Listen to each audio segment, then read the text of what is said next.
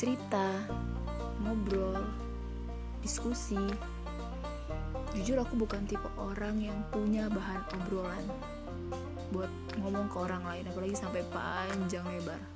Aku nggak bisa.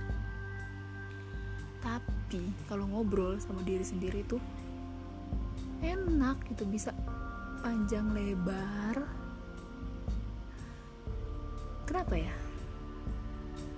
Jadi mari bercerita tentang apa pun. thank you